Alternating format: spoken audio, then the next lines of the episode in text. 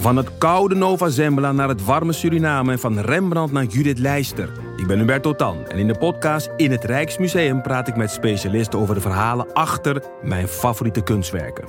Nieuwsgierig? Beluister nu de nieuwe afleveringen. Je hoort mensen willen zeggen dat het boek beter was dan de film, maar wij van Boeken FM streven naar om de podcast beter te laten zijn dan het boek. Wij lezen de klassiekers die je nog niet gelezen hebt. We lezen de boeken die je heel graag wil lezen, maar waar je eigenlijk voor schaamt om in het publiek mee gezien te worden. We lezen de Libris-winnaars. Uh, we praten over de Nobelprijslariaten. Allemaal zoals je een etentje hebt. Dat je moeiteloos mee kan praten en dat het lijkt alsof je helemaal belezen bent. Wij zijn Ellen, Joost en Charlotte van Boeken FM. En je kunt ons luisteren in je favoriete podcast-app.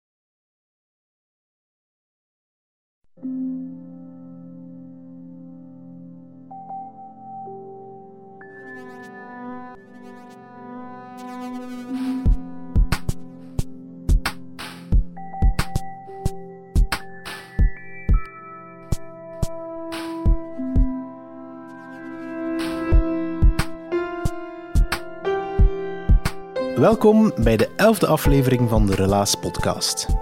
In Relaas vertellen mensen een verhaal dat ze zelf hebben meegemaakt. Deze keer hoor je het verhaal van Joni Sheila. Een verhaal dat paste in onze vertelavond in Street Style van juli 2015. Dat was in de bibliotheek van Gent. Joni is een straatmuzikante, ze doet dat met haar gitaar en haar stem, maar ze kan ook nog een stevig mondje vertellen.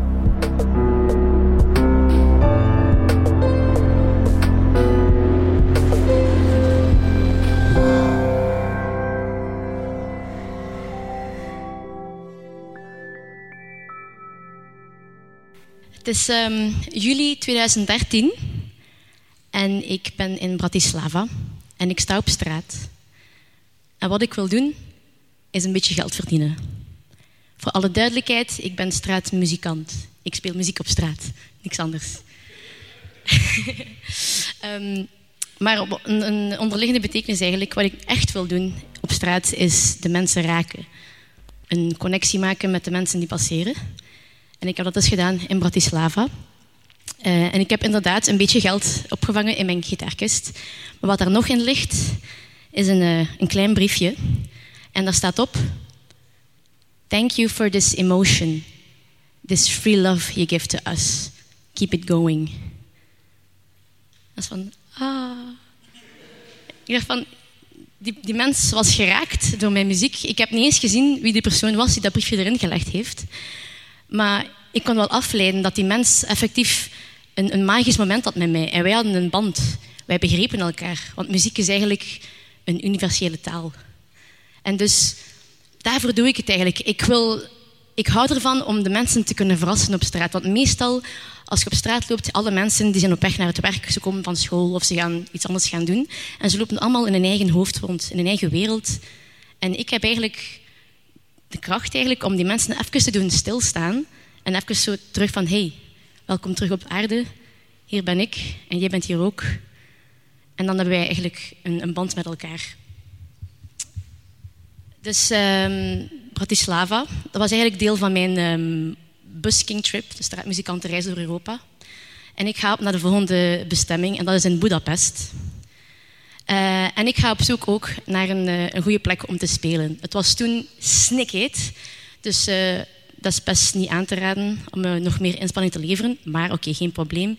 Ik kan alvast zoeken naar een leuk plekje op straat.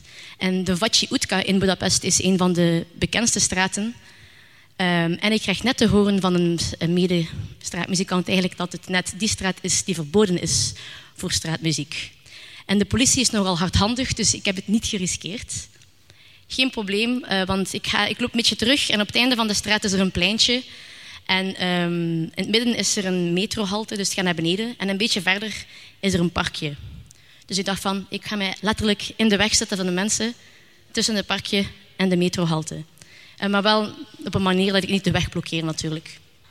Dus ik begin mij te settelen. Uh, gitaarkist op de grond, hij gaat open. Um, aan de binnenkant is mijn naam duidelijk te zien, Joni Sheila, zodat mensen zeker mijn naam kunnen onthouden. Ik leg mijn kaartjes op de grond en op voorhand ook een paar muntstukken. Want what you see is what you get.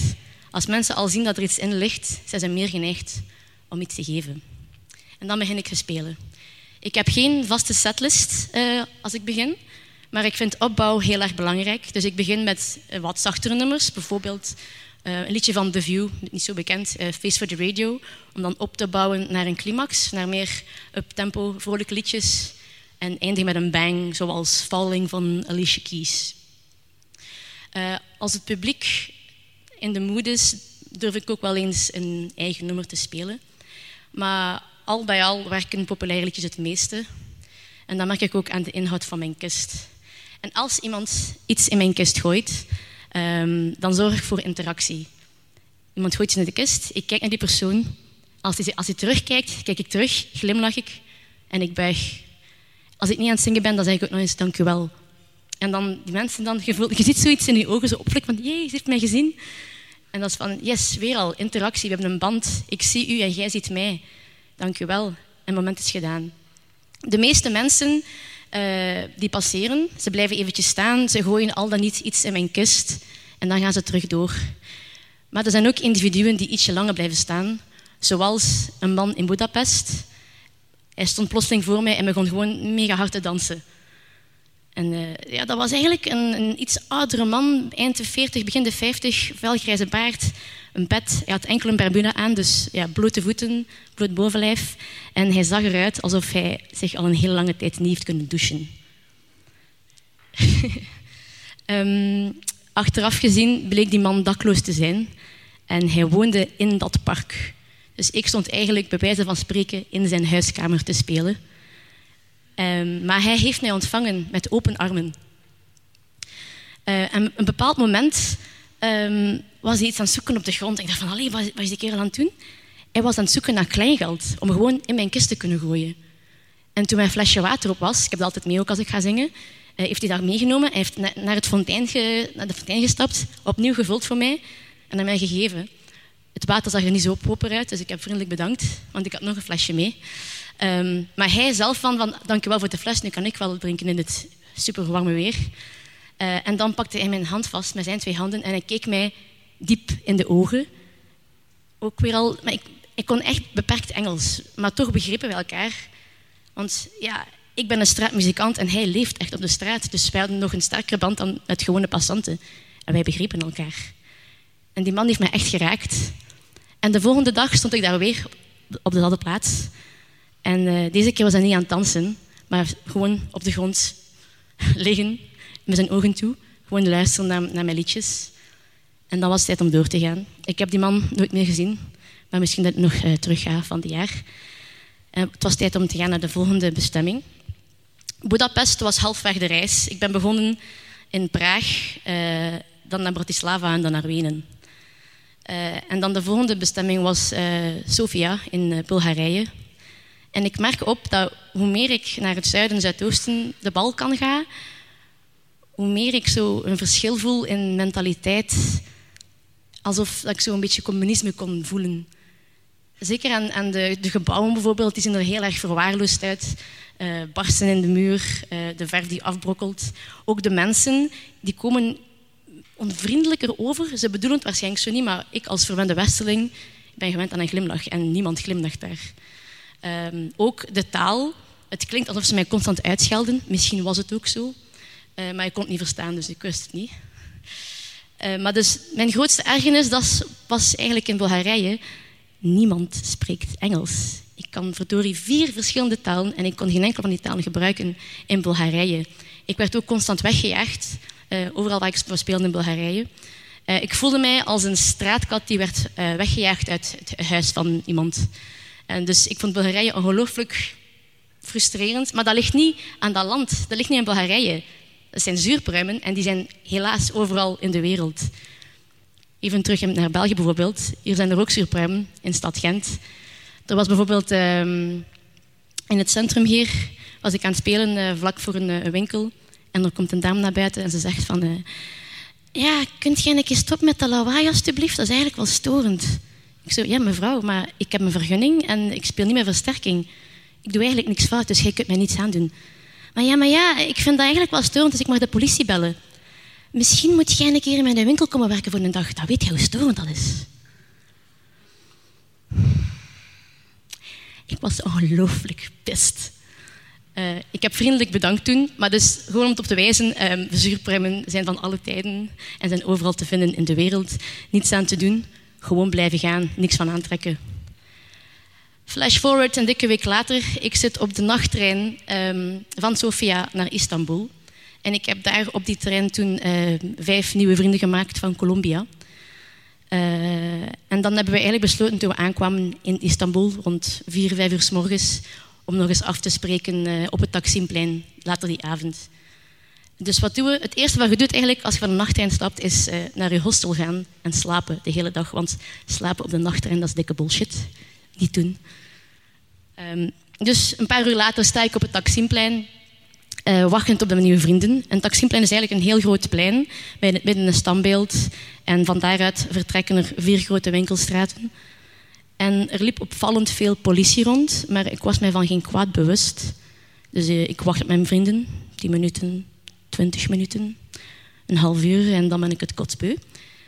Uh, van uw vrienden moet het hebben natuurlijk. Ja, misschien, misschien die Colombiaanse mentaliteit, ik weet het niet. uh, maar goed, uh, ik heb mijn gitaar toch bij. Ik ga de Istiklalstraat in. Dat is ook een van de bekendere straten van Istanbul.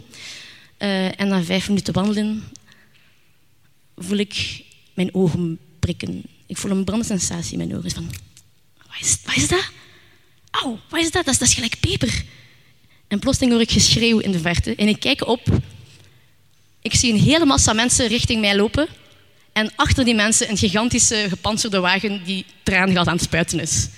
En ik zo, oké, hart klopt in mijn keel. Adeline, lopen, lopen, lopen, lopen. Uh, ik kan niet terug naar het plein, want daar stikt van de Zabita, dus de politie. Dus ik vlucht samen met een paar andere mensen een zijstraatje in en ik wacht tot de politie voorbij komt. Ik zat blijkbaar midden in een protest. En dat was blijkbaar ten tijde um, ja, tegen eh, de regering van Erdogan. Er was een betoging en die werd, uh, van de tegenstanders en die werd ook gedoogd door de politie. Maar van het moment dat ze eigenlijk richting het plein gingen, um, hebben ze hardhandig opgetreden.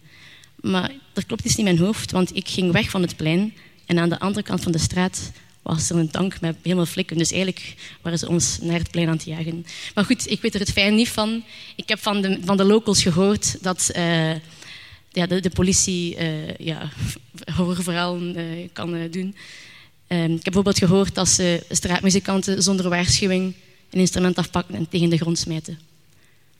Dus ik heb ehm, die avond niet meer naar een plekje gezocht. Ik was een beetje bang. Ik wou niet meer traangas in mijn gezicht krijgen. Ben gewoon gaan slapen. En een paar dagen later was ik terug thuis, hier in Gent, op de Gentse feesten. Hier sta ik ook, dit jaar ook weer. Um, en het grote verschil met op straat te staan tijdens het jaar en de Gentse feesten is dat uh, het volk blijft staan. En ik ben gewend aan een passerend publiek. Ook meer passage, meer geld. Maar goed. um, dus binnen twee minuten is er een hele kring rond mij en de mensen blijven staan. Dus ik doe mijn ding. En ik zeg ook van mensen, een kleine bijdrage is altijd welkom. Niet verplicht, maar altijd welkom. En voordat u iets in mijn hoed steekt, gelief het dubbel te plooien. Um, en ik heb niet altijd geld gevonden in mijn kist. Ik heb ook al een keer snoepjes gekregen, koekjes, uh, trouw aanzoeken, um, armbandjes, een pint.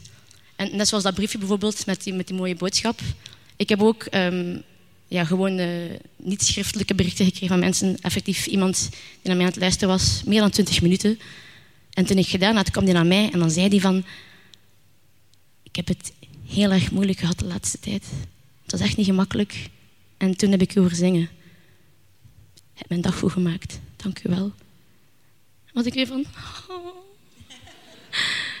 Daarvoor doe ik het. Dat is weer al die connectie die je maakt met die mensen. Het weer al een magisch moment samen. Wij begrijpen elkaar. We kennen elkaar helemaal niet, maar toch hebben we elkaar geraakt. En, en dat is iets eigenlijk... Daarvoor doe ik het echt. En ik wil dat echt blijven doen. Dat is een magisch moment dat ontroert mij. En ik hoop dat ik jullie ook ontroerd heb met mijn verhaaltje. Dank u wel.